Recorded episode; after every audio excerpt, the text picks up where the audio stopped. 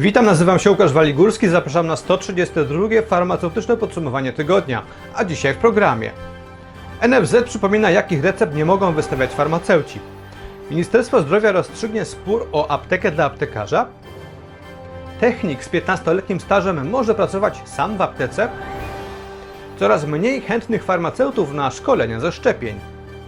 Trwają zapisy na farmaceutyczny egzamin weryfikacyjny.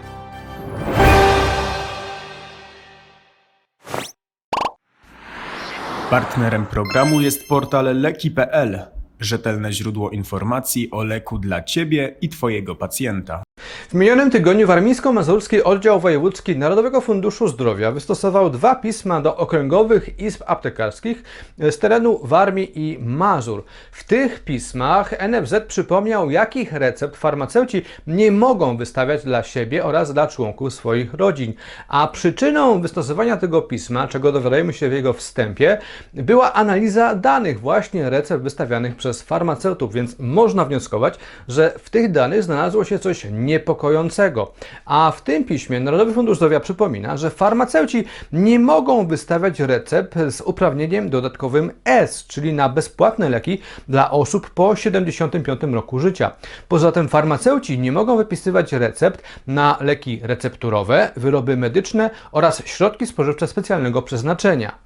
Zgodnie z przepisami farmaceuci mogą przepisywać recepty dla siebie oraz dla członków swojej rodziny, czyli pro autore i pro familia, mm, na leki gotowe z wyłączeniem tych, które znajdują się w wykazach leków odurzających oraz e, psychotropowych. Nieoficjalnie mówi się, że farmaceuci wystawiają coraz więcej recept refundowanych, w tym również tych z uprawnieniem dodatkowym S oraz C, co również jest dla farmaceutów niedozwolone. Tak więc można w najbliższym czasie się spodziewać kontroli w tym zakresie i być może także kar dla farmaceutów właśnie za przepisywanie tego typu recept niezgodnie z uprawnieniami.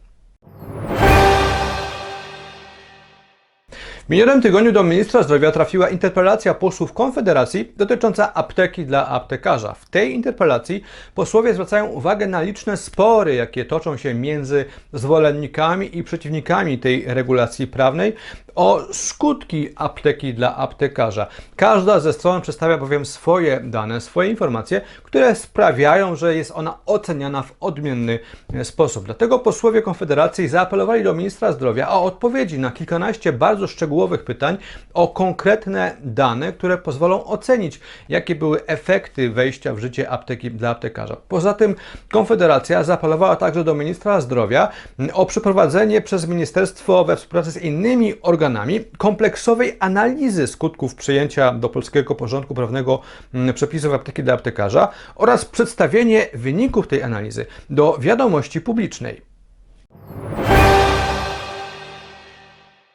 Bez wątpienia najwięcej emocji, kontrowersji oraz dyskusji w minionym tygodniu wzbudził jeden wpis na fanpage'u e, Izby Gospodarczej Właścicieli Punktów Aptecznych i Aptek. Wpis, w którym Izba zakomunikowała, że znalazła rozwiązanie problemu braków farmaceutów e, w aptekach i chce to rozwiązanie przedstawić Ministerstwu Zdrowia. A rozwiązanie to miałoby polegać na podzieleniu techników farmaceutycznych na trzy grupy: na techników stażystów, techników farmaceutycznych i techników farmacji. Ten ostatni tytuł, technika farmacji, miałby otrzymywać technik z 15-letnim stażem pracy. Technik farmacji miałby móc pozostawać samodzielnie w aptece przez połowę czasu pracy tej apteki w ciągu dnia, a przez kolejną połowę mógłby w tej aptece być farmaceuta. I to rozwiązanie miałoby rozwiązać problem braku farmaceutów w aptekach. Jednocześnie taki technik farmacji, e, według słów Izby Gospodarczej punkt, Właścicieli Punktów Aptecznych i Aptek, miałby mieć też obowiązek zdobywania punktów edukacyjnych. Ta propozycja techników farmaceutycznych niezbyt spodobała się farmaceutom e, i w rezultacie zaowocowała wieloma mm, dyskusjami i komentarzami oraz argumentami e, właśnie w tej sprawie, które między innymi znalazły się pod artykułem na ten temat w portalu mgr.farm. Tam trwa na ten temat cały czas bardzo gorąca dyskusja, dlatego zachęcam do odwiedzenia MGR Farm i przeczytania tego artykułu oraz komentarzy, które się pod nim znajdują.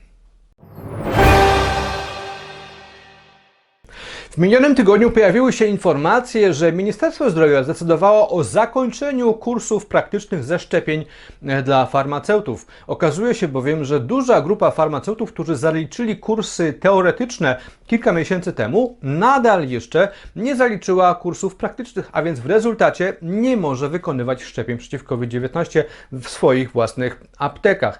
Postanowiliśmy zapytać o tę kwestię Ministerstwo Zdrowia, ale także Centrum Medyczne Kształcenia Podyplomowego, które organizuje te kursy i obie te instytucje stanowczo zaprzeczyły tym doniesieniom. CMKP wskazał m.in., że po prostu w ostatnim czasie prawie wcale nie wpływają do centrum wnioski o przeprowadzanie takich szkoleń, dlatego te szkolenia nie są organizowane. Natomiast z danych resortu wynika, e, że od 8 marca szkolenie z przeprowadzania szczepień ochronnych przeciwko COVID-19 w części praktycznej i teoretycznej ukończyło 7559 farmaceutów. Jednocześnie okazuje się, że do części praktycznej szkolenia, mimo takich możliwości, nie przystąpiło do tej pory ponad 1000 farmaceutów.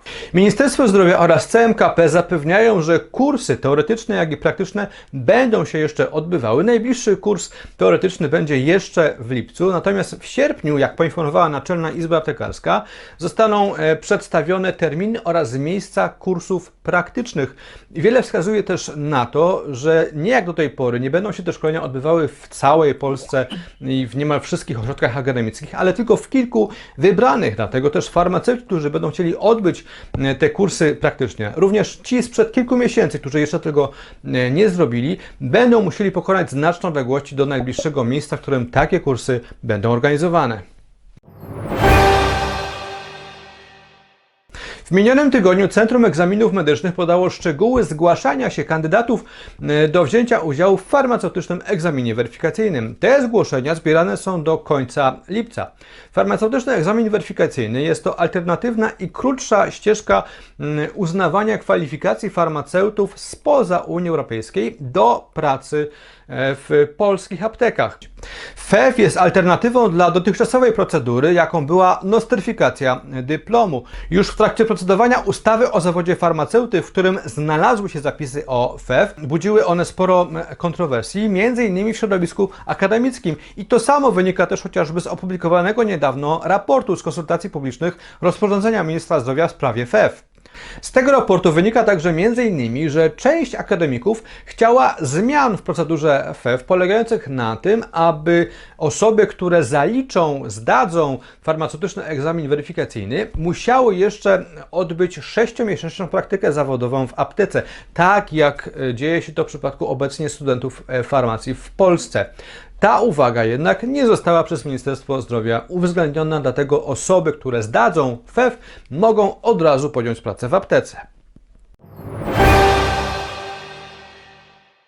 I to już wszystko w tym farmaceutycznym podsumowaniu tygodnia. Bardzo dziękuję za uwagę. Oczywiście tradycyjnie po więcej doniesień z rynku aptecznego, rynku farmaceutycznego zapraszam na portal mgr.farm. Zachęcam też do dołączenia do naszej grupy na WhatsAppie, niedawno utworzonej.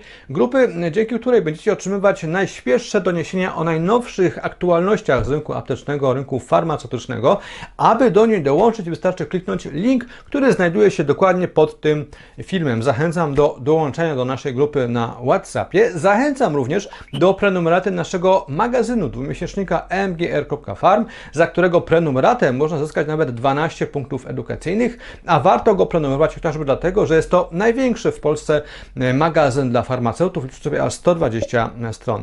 Bardzo dziękuję za uwagę i zapraszam na kolejne farmaceutyczne podsumowanie tygodnia już za tydzień.